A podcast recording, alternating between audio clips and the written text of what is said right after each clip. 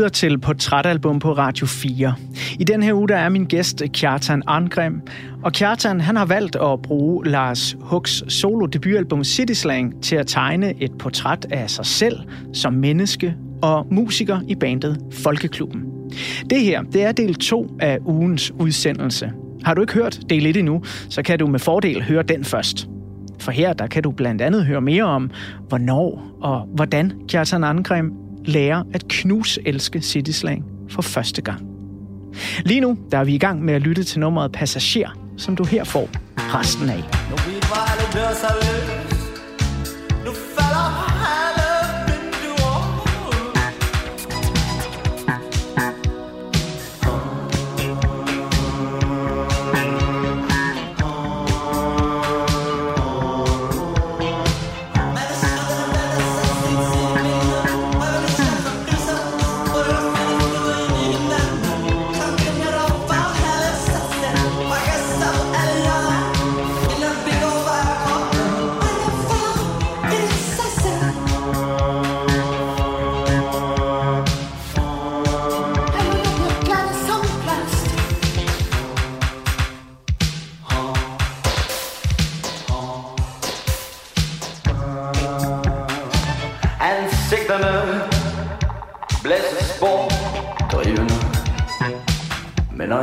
distance beständig langsam.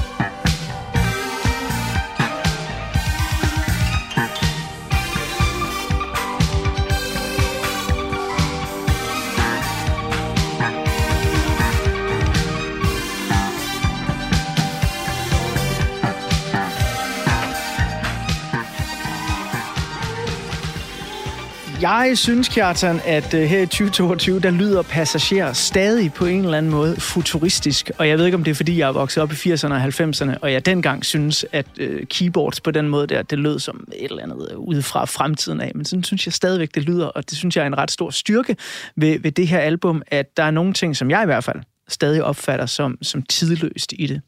Øh, du falder for øh, albummet, jamen faktisk på en måde allerede, da du ser en tv-udsendelse på DR, da du er fem år gammel, ja. men begynder virkelig at knuse og skamhøre det i år 2000, hvor du er 20 år bor øh, i Aarhus. Den dag i dag, hvis man præsenterer det her album for en på, på 20 år, tror du stadig, det står friskt og skarpt, som det gjorde for os, da vi var 20? Det er jo det, der synes jeg er skægt. Altså, kendetegner et godt værk. Altså, og som jeg også har læst Søren Ulla Thomsen snakke om det her værk som noget, der oser af 80'er ånd, men som samtidig overskrider den tid, det er skrevet i. Altså, når jeg kigger tilbage på den barndom, som vi har gjort i det her program, øh, 84, altså, det, hvis jeg ser et billede fra dengang, eller en tv-udsendelse, øh, så er det jo ikke 35 år siden, det er nærmere øh, 350 år siden. Altså, det, det er så utroligt langt væk. Altså, de hegnspæle, som verdenskrig, eller, hvad hedder det, informationsrevolutionen sat mellem verden af dengang og i dag, det er vildere end nogen verdenskrig. Altså, det, det, det, der er ændret mere på verden, og på vores måde at handle og elske og kysse og socialisere på, øh, på de der 35 år, end, end, end, end efter tiden før Første Verdenskrig og tiden efter. Ikke? Det, altså, det, det er fuldstændig vanvittigt, at, at vi har levet i den tid, og at vi er aktivt til stede i dag. Altså, udgiver musik, jeg, vi kan ikke være helt galt på den, eftersom jeg sidder i Radio 4 og taler med dig, Anders Bøtter, og så må man jo have, man må på en eller anden måde have lov at dele sin samtid alligevel, ikke? Og det synes jeg, det synes jeg er, er, er en vild ting, og endnu vildere er det, at den her plade vedbliver at være så øh, relevant. Ja.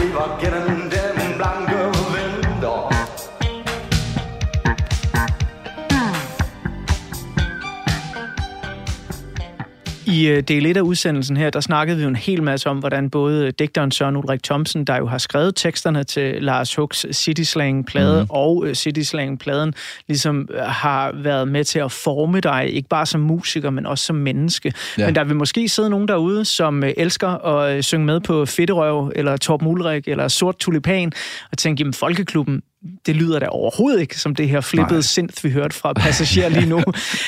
Kommer der et tidspunkt i Folkeklubben, hvor I bare går fuldstændig city på den? Jamen altså, nu nævner du Sort Tulipan, som jo ganske rigtigt mere lyder, hvad fanden skal jeg sige, altså, som sådan noget cabaret, eller hvad, hvad altså musikalsk i hvert fald, ikke?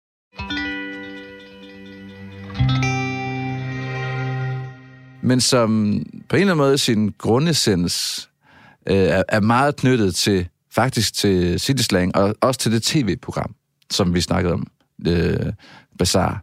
Fordi da jeg skulle lave den sang Sort som kom efter øh, Tom Ulrik og tre plader havde vi lavet ude på en lille kælder, halløj i Vesterbro, der var vi sådan ved at være lidt, lidt udbrændte. I hvert fald den formel, vi havde kørt, var ved at være brugt op. Og øh, vi kunne ligesom fornemme, at vi skulle videre, men det var lidt svært at vide, hvordan. Og så havde jeg egentlig skrevet tre gode vers, sådan whoopty øh, til en sang, som jeg selv synes var helt fantastisk, som apropos min fars øh, generøse øh, opdragelsesmetoder med selvmordsreplikken, øh, handlede om selvmordet. Og det eneste problem, jeg havde, det var, at omkvædet var kommet på engelsk. Øh, og det er et stort problem. Øh, så det omkvædet lød, Tonight I'll be sleeping in the zoo. Altså i nat vil jeg sove i zoologisk have. Hvilket jo er noget rendyrket vrøvl ja, Hvad hedder det? det og, ja, nu skal jeg ikke øh, sige, sige noget dårligt om din lyrik, men, men det er ikke særlig stærkt. Det er ikke så stærkt. Og det vidste jeg jo godt. Så jeg havde et stort problem. Fordi jeg vidste, at sangen kunne noget helt særligt. Og øh, jeg sad ude i vores kolonihave, hvor jeg sidder hver sommer. Øh, og jeg bor jo i København. Øh, så jeg sad derude ved Sjælør stationer deromkring, og kæmpede med det her. Og så kiggede jeg ud af vinduet og så, at kvinden i mit liv jo havde plantet sorte tulipaner hele vejen rundt om vores kolonierhus. Det har jeg aldrig lagt mærke til før, fordi jeg altid sidder og ruder med en guitar. Så det var da meget skægt. Det mindede mig på en eller anden måde, der var, der var et eller andet med det, med de sorte tulipaner. Så tog jeg min avis igen i sådan et lønligt håb om at tanke op. Så læste jeg sådan et portræt af Henrik Vesterberg, som jo havde og har sin gang på Floss, som ligger lige hernede stadigvæk, hvor alle dem, vi snakker om, Sonny Thomsen, Lars Huck, Sots og hele banden øh, af kreative i 80'erne, de kom. Øh, han skrev noget om i avisen, hvor glad han var den dag, han fandt ud af, at den hårfarve, som Michael Strunge havde farvet sit hår i, til dagens anledning til den der udsendelse i Bazaar, det var farven Black Tulip. Og så havde jeg det hele fuldstændig fikset og klar, en sort tulipan. Og hele metaforen med, jeg vil dø som en sort tulipan springe ud fra den smukkeste altan en film og en rolle, jeg kan bære, liv dit smukke liv, eller være. Altså hele, altså strunge sprang ud fra 4. eller 5. sal, ikke? Øh, og hele, altså livet som en, som en tulipan, og det der med at springe ud, det blev bare sådan enormt meningsfuldt for mig, som endelig havde fundet min hylde som sangskriver. Og så havde jeg også omkvædet. Øh, og på den måde så bragt Bazaar, City Slang, det bragte mig også, det, altså så mange år efter, kastede den stadigvæk lys og skygger på mig som sangskriver og bragt mig videre. Det synes jeg var en, det synes jeg var, det er en fantastisk kvalitet ved, ved en plade, at det kan blive ved med at rykke i en. Og den dag i dag, hvor jeg sidder og skriver sange, så vil man på den næste Folkeklubben-plade kunne finde reminiscenser af City Slang. Det kan jeg bare garantere, som vi sidder her. Intet var evigt, gør det vel. Problemet er at slå sig selv ihjel Disse bjælker er for tynde til at bære Jeg tænker at i dag, så lader jeg være. Jeg vil dø som en sort tulipan Og springe ud fra den smukkeste altan Har i en film og i en rolle jeg kan bære. Lev dit smukke liv, eller lad være. Men rollen blev besat til anden side. Til hvem det får du aldrig helt at vide. Det er dyrt at være fattig, må du lære. Som blomsten hos Rimbo og Baudelaire Ved jeg dø som en sort tulipan Og springe ud fra den smukkeste altan Ah, i en film og i en rolle, jeg kan bede Lev dit smukke liv, eller lad være. Inden vi fortsætter snakken om øh, uh, city slang, så vil jeg lige spole tiden lidt tilbage og public service servicere dig med af mine klassiske overblik over, hvad der sker i musikkens verden i uh, det år, hvor Kjartan han altså dykker hovedkuls ned i det her værk og får det dybt ind under huden. Så selvom albumet som sagt er udgivet 84, så tager vi her en tidsmaskine tilbage til musikkens år, anno 2000. Frem mod årtusindskiftet er de store dominerende 90'er rockbølger for alvor døende. Det tidligere så friske pust fra grunge bliver efterhånden til soft rock, og Britpoppen, der rockede Cool Britannia ud til hele verden, har lidt svært ved at finde de rette udtryk og attityder. Så i år 2000, der tilhører hitlisternes troner nye kæmpe amerikanske hiphop-navne, såsom Nelly, Outkast og Eminem – bøllepøllerok, crossover rap fra Limp Bizkit og pop, konger og dronninger, såsom NSYNC og Britney Spears, der storhitter med hendes andet album, Oops, I Did It Again. Så starten af nullerne er måske en lidt underlig tid at være rockfan i. Lige rundt om hjørnet, så venter der heldigvis store succeser fra bands som Muse, Queens of the Stone Age og The Strokes. Men det siger nok alligevel meget om musikken i år 2000, at gruppen Bahamans fjollede nummer Who Let the Dogs Out bliver årets mest spillede radiohit verden over, samtidig med, at Radiohead vælger at slå deres eget image ihjel og redefinere forståelsen af, hvordan britisk rockmusik bør og skal lyde, da de udgiver det vanvittigt modige, skæve mesterværk Kid A.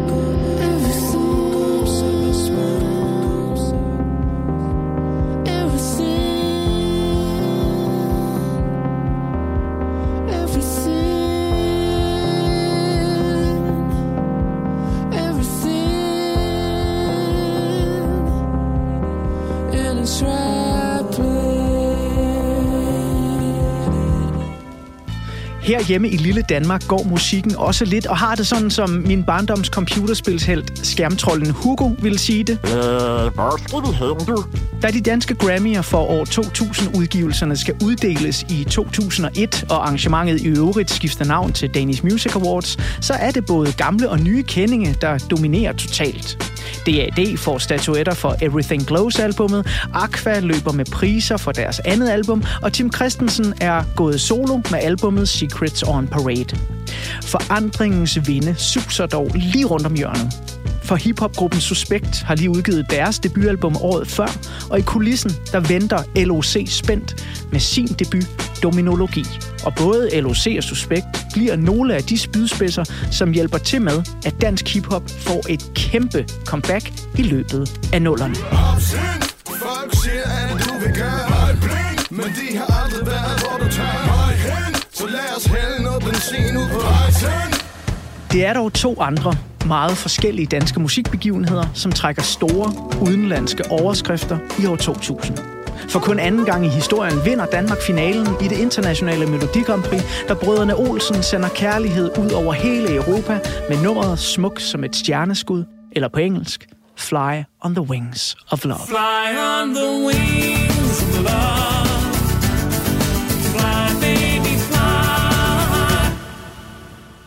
Men det er desværre ikke kun popsangens ubekymrede kærlighed, der går sin sejrsgang i den danske musikhistorie i år 2000.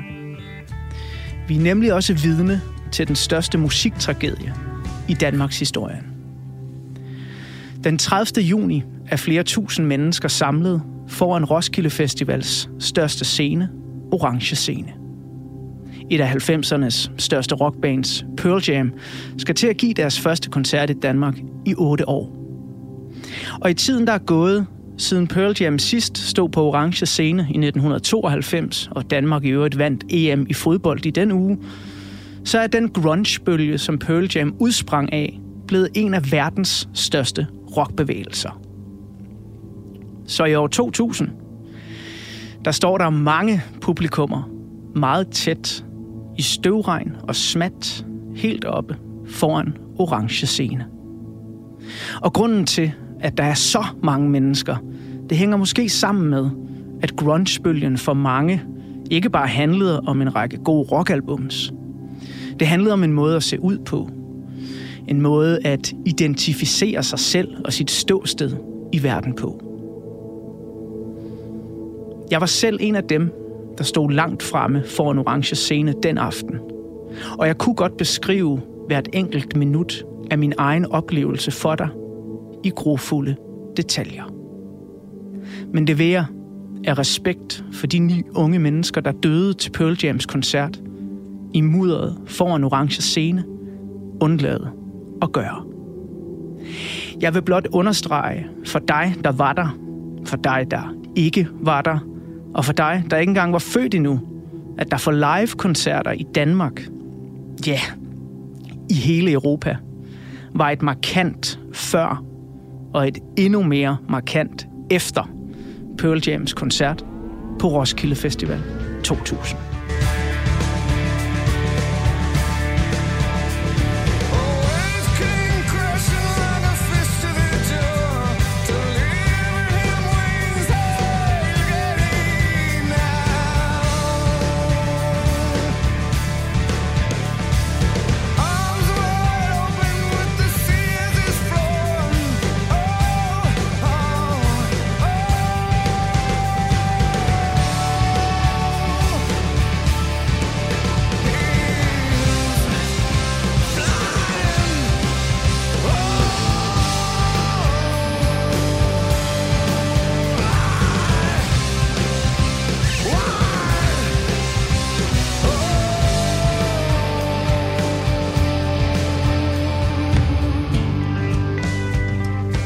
af de her både fjollede, skæve, kærlige og tragiske musikbegivenheder, der har betydet noget i Kjartan Angrims liv i år 2000, Jamen, det skal vi snakke om lige på den anden side af et af de numre fra Lars Hooks 1984-album City Slang, som Kjartan gik og skamhørte i år 2000.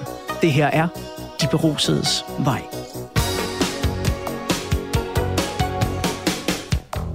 Jeg hørte de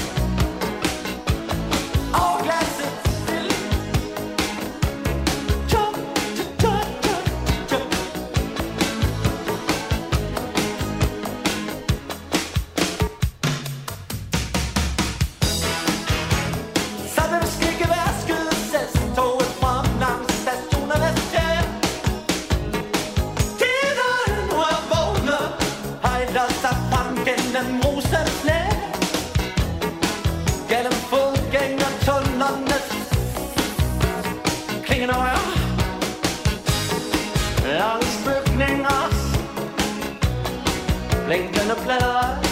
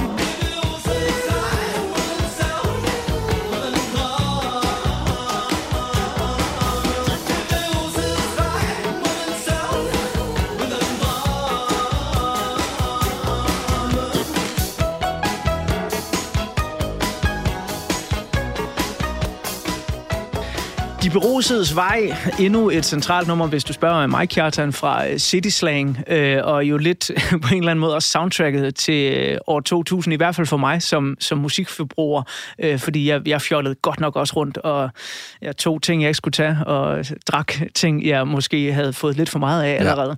Ja. Når vi lige laver sådan et flashback her til år 2000, rent musikalsk, Ja. øh, er der noget af det, du går og hører, eller er du bare jamen, nede i 84 og i Lars Hug, og hvad du nu ellers går og hører? Jeg har, hørt, jeg, jeg har ikke hørt noget af det, der du nævner overhovedet. Jeg har ikke dyrket, altså øh, intet af det. Intet. Intet af det. Wow. Og det, øh, jamen det siger nok meget om mig i hvert fald. Det siger rigtig meget om ja, dig. altså, øh, og det skal ikke lyde som, altså jeg vil ikke pynte mig, det skal ikke være sådan noget, jeg, jeg gik rundt og, og hørte 80'er øh, avantgarde, altså hele tiden. Altså det var slet ikke, jeg hørte den her plade, ikke? Men jeg hørte også en plade af, altså når du nævner alt det der, og Strokes og alt det der halløj, så hørte jeg mig en Erik Grip-plade, hvor han øh, fortolkede Fangiere. Bedstefar, tag dine tænder på Søbemadens triste tid er ude Af min arveløj opspringer glad Gulderodens lille hårde knude og øh, der må jeg bare konstatere, at jeg notorisk har været uden for tidsånden. Og sikkert er det stadigvæk. Øh, jeg danner mit første band sammen med to gange Rasmus, da jeg er 31. Det er jo alt for sent. Altså, ifølge Paul Borum og sådan nogen, så var tidsånden, det er noget, der bliver skabt af folk mellem 18 og 23. Men eller hvorfor er sådan det for sent, Kjartan? Du har jo gjort det. Du, øh, du Det- har jo udsolgt KB-hallen. Ja, Ja, du har fået kæmpe succes. Der, der er vel ikke noget i Folkeklubben, der havde været bedre af, at du var 21? Nej, Tværtimod. nej, nej, det var vores vej. Men, øh, men i forhold til at være en del, eller definere tidsånden og den slags ting, så var det, jeg kan huske, jeg tænkte, der gik rundt der i nullerne. Og da jeg fik min guitar, da jeg begyndte at lave de første sange, at hvis jeg tænkte, hvis ikke du gør det her, inden du er 30, så er, så er det for sent. Så er, så er det dømt til fiasko. Og så blev jeg 30, og det er den værste fødselsdag i mit liv, fordi jeg havde ingenting. Ingen kæreste, ingen band, ingen udsigter. Altså, det var stadigvæk det samme nulsum show, der kørte, ikke? Og så, øh, så tror jeg, det, alligevel så var det sådan, okay, så det var det brist eller bære, så, så fandt jeg ved tilfælde, ved tilfælde de to gange Rasmus, og så, så kom det, så skete det, og har sket lige siden, og, og på sin skræmmende vej. Det er bare, når du nævner alle de her ting, og du gjorde det også, du har været forskellige tidsalder igennem, jeg kan bare konstatere, at jeg har stået udenfor.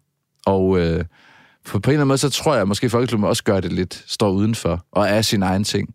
Og øh, det kan ikke være anderledes, og det er, det, det, det er egentlig bare, øh, det er egentlig meget tilfreds med.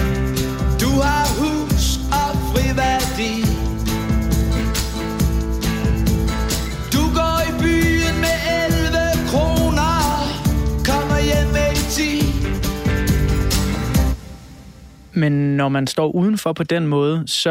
øh, Fordi jeg kan sagtens kende følelsen. Ja. Øh, flere af de ting, jeg læste op i, i musikportrættet af år 2000, er ikke noget, jeg vil røre med en ildtang, og noget, som jo faktisk gjorde, at jeg følte mig fremmedgjort fra musik lige pludselig. Ja. Øh, I 90'erne, der, øh, der hittede det musik, jeg hørte jo. Ja. Altså grunge og britpop, som jeg var dybt involveret i. Det lå på hitlisterne over ja. Det hele. Så jeg, jeg blev rodløs. Ja. i starten af nullerne. Og den rodløshed, der er jeg glad for, at jeg havde en masse kammerater, der havde det på samme måde, og, og som sådan jagtede et eller andet, som vi så for eksempel fandt i Radioheads Kid A, øh, som nu genhørte jeg den her den anden dag, hvor der egentlig ligger nogle ting, hvor jeg sådan tænker, det, det, det, det kan faktisk godt sammenlignes lidt med City Slang, noget af det. Nå, men nemmer væk, pointen værende. i, i den, hvor, hvor du står uden for tidens Ja. tand. Har det været ensomt for dig, eller havde du kammeratskab med andre, der også sad og hørte Erik Grib eller Niels Havsgaards kunst? Eller... ja, som jeg også hørte. En, altså, Gjorde du det? Ja, ja, ja. For det gjorde jeg også. En fremragende plade. Ja. Har sitt i mitt fjernsyn at noe går galt Med alt det vi skylder og ikke har betalt Øh, og det har lige præcis også været i jamen, år 2000, hvor jeg begyndte at søge tilbage på en hel masse. Måske fordi jeg ikke kunne finde det, som, som jeg gerne ville, ville høre derude, der var populært lige der. Ja, jeg havde nogle venner, som jeg kunne dele det med, som, altså egentlig. Øhm, men, men, men det har da altid været en ensom ting. Øhm, hvilket var øh, okay, men, men også lidt hårdt, al, al den stund, at, øh, at jeg havde en fornemmelse af, at jeg selv skulle ud af det samme spor, som, som nogle af de her performere var i. Ikke? Altså, øh, og det var bare så utrolig uklart for mig, hvordan det nu skulle kunne lade sig gøre, når, når det at spille musik var på linje med at, at betræde månen, ikke? Altså, og sådan havde jeg det vidderligt, ikke? Og, og så hvis man så spoler frem til nu, ikke? Hvor det er den samme ensomhed og afsondrethed, men øh, det er altså noget nemmere at leve i, når man kan udgive en plade med nogle, nogle kammerater, som forstår en, og som, øh, som jeg forstår, og som kommer ud, som vi kan sælge, og vi kan, vi kan sælge koncertbilletter og komme ud og, og skabe os på den måde, som vi snakkede om, øh, på den her, øh, altså, som, som sådan nogle, øh, altså væbnet med vinger, ikke? Det er det, man gør, når man, når man går op i sin turbus, og øh, så skal man flyve landet rundt. Det er jo en fuldstændig vanvittig måde at være til stede på. Men det må jo så også betyde noget for dig, at ja, dels kammeraterne forstår dig, men det har du også nu et stort publikum, der gør. Ja, ja, ja, ja, det er en underlig ting, og det er jo en meget privilegeret ting, og noget, jeg har virkelig tænkt over, der gik rundt og skrev de første sange, kan vide, om det her nogensinde får et publikum. Og det gjorde det jo så, øh, og det er jo virkelig en dejlig ting. Og det er jo også en dejlig ting at spille i en udsolgt KB-hal, og alt det der, øh, udsolgt mig her og udsolgt mig der. Som om man, det er efterhånden, som om man ikke kan spille en koncert i Danmark, uden den skal være udsolgt. Og så folk skal ligge ned. Men hvad hedder det? Jeg vil bare sige en ting, at øh, det at skrive en sang, og som var jo udgangspunktet, ikke? Og som var det første diamant, jeg fandt i min lomme, ikke? Altså sangskrivningsprocessen, det er meget større, en meget større f- følelse, end at spille i en udsolgt sal. Og det at spille for et publikum, når du står og venter lige før du skal ind, som, som, som sådan cirkusartist, ikke? så er det fuldstændig ligegyldigt, om det er Mændenes Hjem, eller om det er KB Hallen. Altså, det er fuld... Altså, så er du Paul McCartney, så er du Zimmerman, du er Stardust, øh, du er helt deroppe i de der to øjeblikke. Altså, når du skriver din sang, og når du skal på scenen, så, så, er, du fuld, så er du Maradona før Englandskampen. Det, det, det, det, det, det er helt... Du er helt på linje, for det er der, din krop og dit, dit, øh, og dit hoved er, ikke?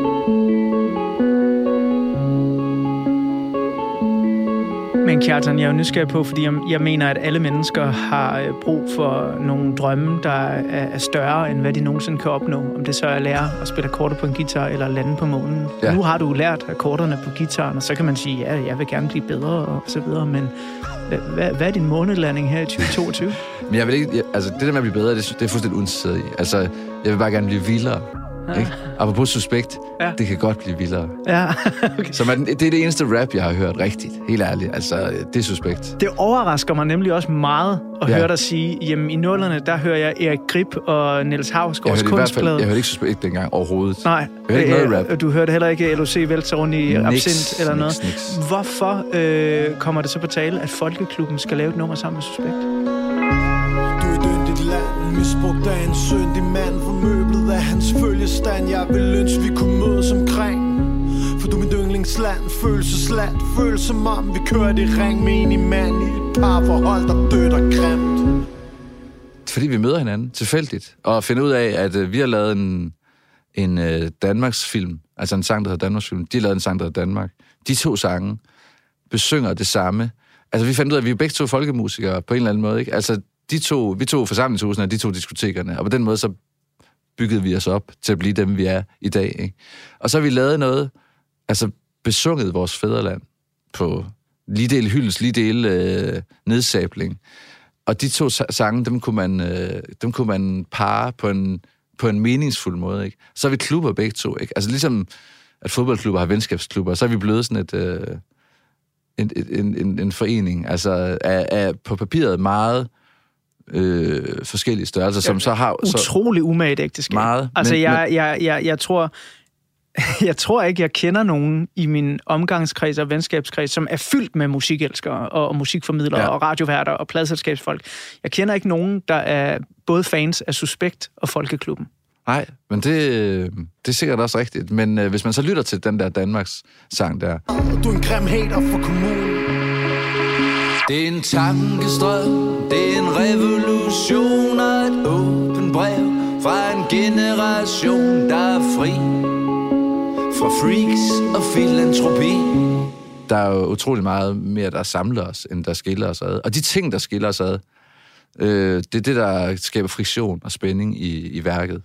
Øhm, og det, ja, det er noget, vi er meget stolt af. Både venskabet med Suspekt, men også det, det kunstneriske output, vi har fået. Med taget i betragtning Går de i en forkert retning Skulle tro, der var nok erfaring Til at forudse en kollektiv hovedafkapning Pletvis afstraffning Der strækker sig langt og rækker Historien om, hvorfor Lars Hug, han hedder Lars Hug. Ja. Øhm, han hedder jo Lars Huggesen, er han født. Som barn, der får han kælenavnet Lars Hug. Det bruger han som kunstnernavn. Frem til 1987, hvor han hitter med albumet Kysser himlen farvel. Så er der en pibefabrikant i Kolding, der jeg mener, han hedder Paul Hug, som ligesom siger, jamen ham der, der laver den der elsker dig for evigt, han er sgu da ikke i familie med mig. Han må da ikke bruge mit familienavn. Så øh, Paul, han øh, gør det mest danske ever. Han kontakter Lars Hug og siger, prøv at høre, altså enten så sagsøger jeg dig, eller så kan vi lave en lille aftale. Du kommer, og så spiller du til en konfirmation i familien. Eller også så ændrer du dit navn. Og så siger Lars Hug, jeg skal kraftet, men ikke spille til nogen konfirmation. Så yes. Han ændrer navnet til Lars Hug Uno Grammy, ja. eller forkortet H-U-G. Ja.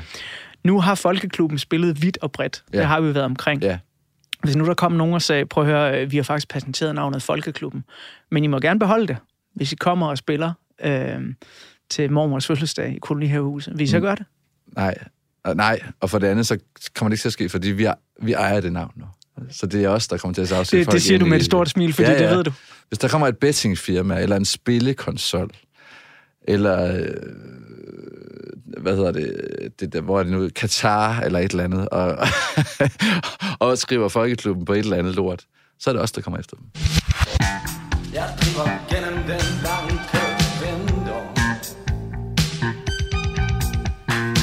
Vinden suser i kroppen Kroppen suser i natten Har du mødt Lars Hug? Vi har mødt ham i Folkeklubben. Ja. Både til... Vi har mødt ham til sådan noget grammy halløj hvor vi sad sammen med ham. Øh, eller hvad, det er Danish Music Awards. Mm. Hvad nu de hedder, de der prisshows, som intet har med musik at gøre. Øh, hvad hedder det? Så mødte jeg ham engang i en anden sammenhæng. Hvor jeg, det jeg bare huske, han sagde sådan noget med, at vi skulle huske at, have kondomer på tungerne. Har kondomer på tungerne? ja, det var, det var sådan en udgangsreplik. Så nå, det Nå, havde okay. vi aldrig tænkt over, men det var, Fedt. det var sikkert et meget godt råd. Hvor- Hvordan var det at møde en musiker, som jo har lavet i hvert fald en plade, du, du har så vildt et forhold til som City Slang? Jamen, det, man skal også, ligesom man skal adskille øh, lyrik og sangskrivning, så skal man adskille øh, værk og kunstner. Altså, når du, når du skaber en sang, så er du en kunstner, ikke?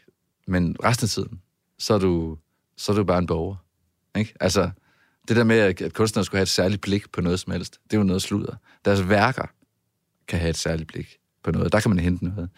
Så det, det har jeg da meget afslappet med, må jeg sige. Altså, jeg, jeg, når, jeg, når jeg lytter på pladen, så får jeg fuldstændig...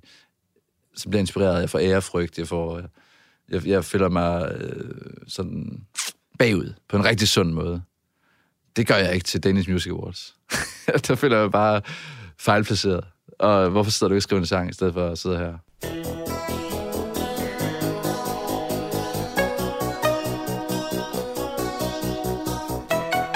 Som du måske kan høre, så kan Kjartan Angrem og jeg snakke meget længe om albumet City Slang og dets betydning. Men hvem er den musikalske bagmand bag det her værk egentlig? Her kommer et lille, hurtigt bouillonterning portræt af Lars H.U.G. Det er de store hits fra Kysser Himlen Farvel-albummet, såsom Elsker dig for evigt og titelnummeret, der giver Lars H.U.G. popstjernestatus i Danmark i slutningen af 80'erne. Udover at medvirke i filmatiseringen af Dan Turells bog Mor i Paradis, så medvirker Lars H.G. også i Niels Malmros filmen Aarhus by Night og udgiver albummet Copy, der indeholder en række uhyre stærke coverversioner af alt fra en Melodi Grand Prix vinder til John Mogensen, Sevi Jørgensen og ja, Kishi. På baggrund af Copy-albummet modtager Lars H.U.G. i 1989 sin første Grammy som årets danske sanger. Et solstreg i en vandpyt Et lille kindkys af en vind I begyndelsen af 1990'erne fokuserer Lars H.U.G. på sin billedkunst, samt indspilningen og udgivelsen af sit næste album, Blidt over dig. Desuden så modtager han som den første pop- og rockmusiker nogensinde Statens Kunstfonds treårige arbejdslegat. I 1993 samler HUG til bunke og udsender den fremragende opsamling Hook Greatest, som indeholder de bedste numre fra tiden i kliché og hans største hits som solokunstner. Peter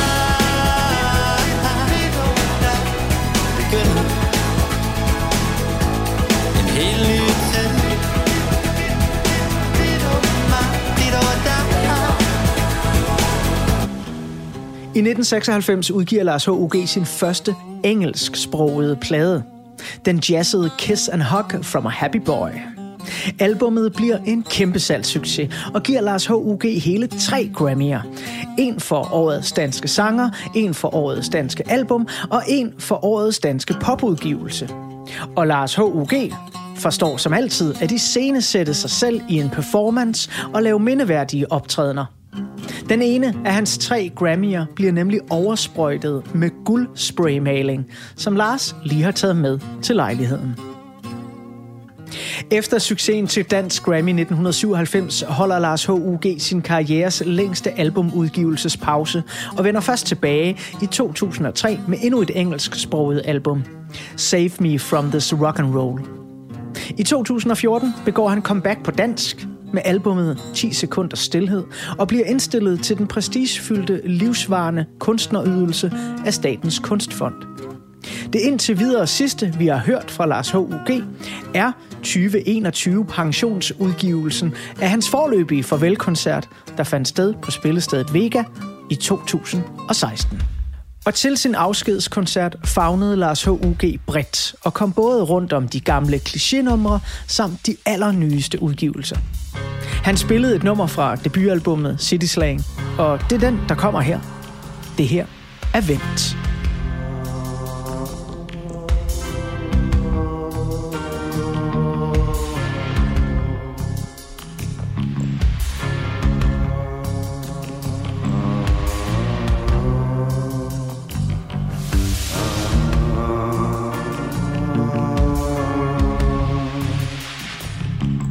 Kaffebar med cigaret og cola. I frost over fodgængerovergangen I biografens dybrøde foyer. I flugt med hænderne for ansigtet. Vi venter på nogen. Vi venter på nogen. Vi venter på nogen. Vi venter på nogen. Ah,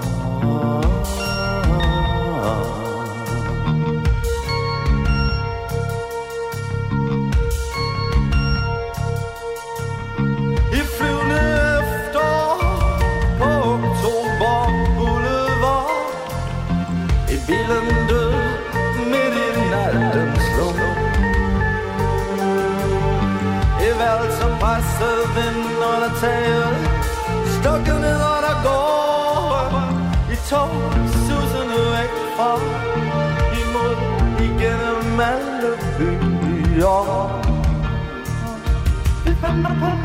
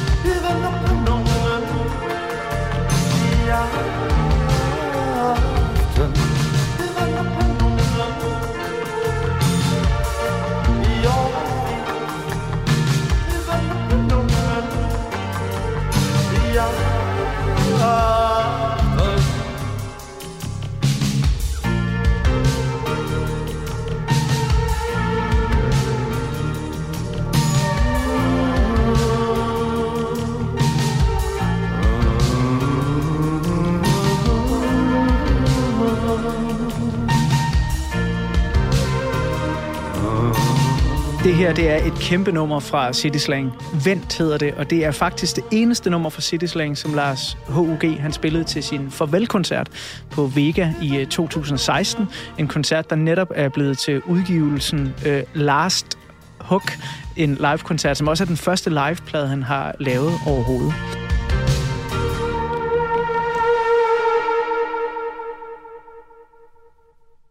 Prøv at høre, øhm, vi skal til at, runde af så småt, øh, og jeg vil selvfølgelig slutte med det store afslutningsnummer fra øh, City Slang, Ja. Hen over himlen. Ja. Øhm, for dig, som, som musikelsker og som Ja. musiker, hvad er et godt afslutningsnummer?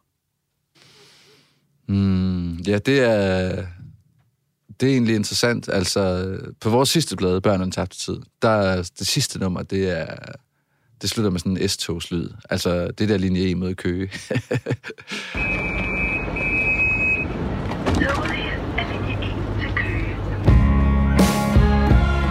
altså, det synes jeg egentlig er... Det var et fedt afslutningsnummer, fordi at... Ligesom Bowies, altså station to station, altså at man, man slutter af med at tage videre.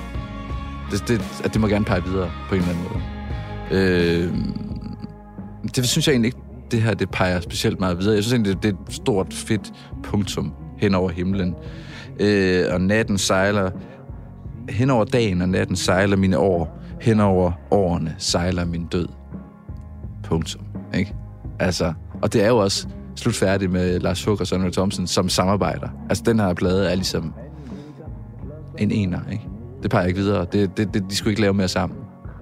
Jeg vil heller ikke sætte uh, musik til det, det jeg læste til, altså, øh, til sidst her. Det, det, det gav ingen mening. Det, var, det stod så stærkt, at en melodi ville bare ødelægge det. Ikke?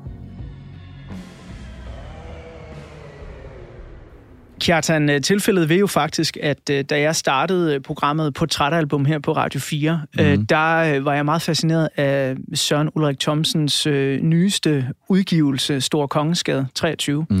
Og derfor så tog jeg i nogle af de første programmer i den her programserie et citat med, eller det er faktisk starten på den udgivelse, fordi jeg synes, det, det rammer så usandsynligt skarpt en måde at se på, hvor et menneske kommer fra. Altså netop, når man skal tegne et portræt. Så jeg kunne godt tænke mig at læse øh, starten af Stor Kongeskade ja. Ja. 23 op for dig. Er der et enkelt år eller et sted i et menneskes liv, der efterhånden, som tiden går, vil vise sig at være det vigtigste? Punktet, hvor passerens spids kan placeres, fordi alt tidligere drømmeagtigt peger ind mod det, og alt senere viser tilbage til dette centrum, hvis betydning man selvfølgelig ikke erkender før langt senere. Ja, det er der.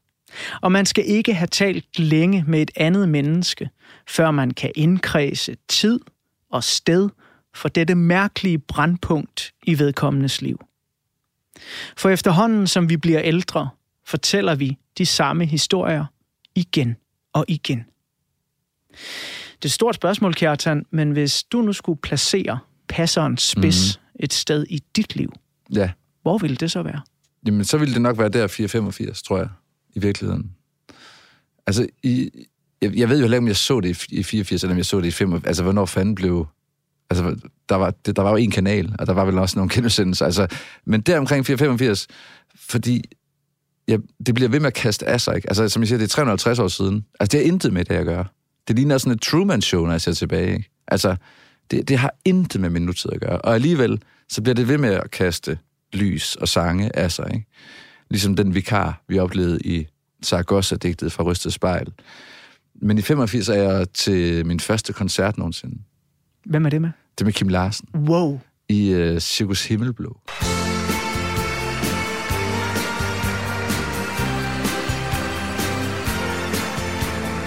Og jeg er fem år gammel der, ikke? Ja. Nej, seks år gammel. Og øh, igen, det der med, hvad fanden musikken kan. Altså, den kunne bare noget helt andet end øh, en forenings- og øh, levpostejs Danmark kunne. Altså, det, det hævede alting til nogle højder, som jeg først senere skulle forstå betydningen af, og, og min egen rolle i. Altså, jeg blev selv en, der skrev ikke digte, men sangtekster, og spillede koncerter. Ved den Kim Larsen-koncert, der har du bare været 5-6 år gammel. Ja. Hvad, hvad er det for et øh, indtryk, øh, du gik ud af Himmelblå med der? Jamen, altså, at, at alt var forandret. Altså, alle mine forestillinger om, hvad man kunne, og øh, hvad der var vigtigt. Altså, det er jo så, det er interessant at kunne tage 100 på foden. Altså, det er en fuldstændig spændende øvelse. Men hvad er perspektiverne egentlig i det? Og, og, og det her med, at i sportens verden, og for den sags skyld også i det konkurrencesamfund, som omgiver os, der er der altid tabere og vindere. Man skal vinde over nogen, og man må ikke ende på de tabendes hold. Og det er noget helt andet i musik. At der spiller man sammen. Og det handler om at spille sammen, også som kunstner og publikum. Altså, jeg tænkte bare, jeg, der ender jeg aldrig. Men, men, og hvor er det dog ærgerligt, ikke? Men det gjorde jeg så alligevel. Af mange omveje, som vi har været igennem og skal igennem. Det er vi jo mange, der er sindssygt taknemmelige for.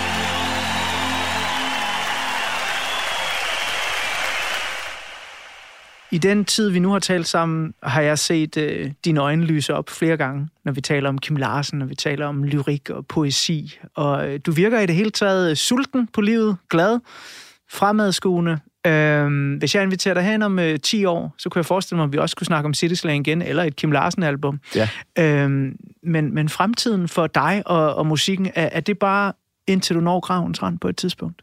Det ville jeg da synes var det sejeste. Altså, at det hed ikke... Altså, det, der bliver ikke nogen farvelkoncerter, vel? Altså med Folkeklubben. Det kommer der aldrig til at blive. Det bliver altid næste koncert, næste plade, og så er der et eller andet, en eller anden indvirkning udefra, som siger, hov, nu stopper vi lige, kammerat, og så er man, så er man færdig. Altså, men ikke noget sidste dit og du det dat. Altså, det, det, det, det ser jeg ingen grund til. Det næste sang, næste plade, næste koncert, og det synes jeg er et uhørt, altså ambitiøst højt mål at sætte sig. Vil du gerne dø på scenen? Nej, men når jeg sådan lidt efter Dirk Passer, altså hvor man ligesom er ude af backstage måske. man vil jo ikke blive filmet på vej ud, vel? Nej, okay. Men, okay. øh, men noget, der minder om, altså, det er jo, ligger jo der i at være vikar. Ikke? Nu har vi, vi indledt med en vikar, og vi, indledt, vi har også været igennem, at jeg har været en del af prekariatet, og stadigvæk er det. Hvis ikke du har noget sikkerhedsnet, så er du tvunget til at dø. Omkring scenen i hvert fald. Ikke? Og det er fint. Det er et meget privilegeret og spændende sted at befinde sig, skulle jeg helst sige, på og omkring scenen.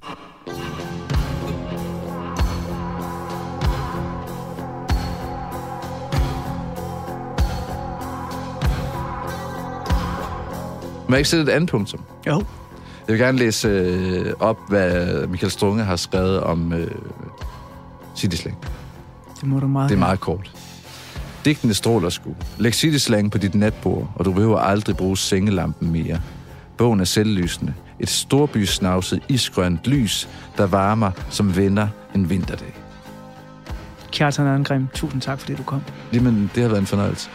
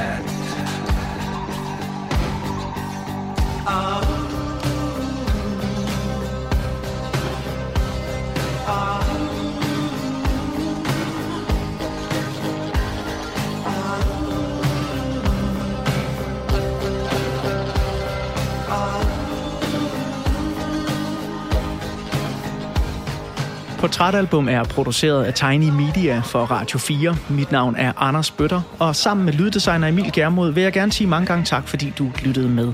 Der er flere portrætter fra programmet her hver fredag kl. 17-19 på Radio 4 eller i Radio 4's app, som du kan hente i App Store eller hos Google Play.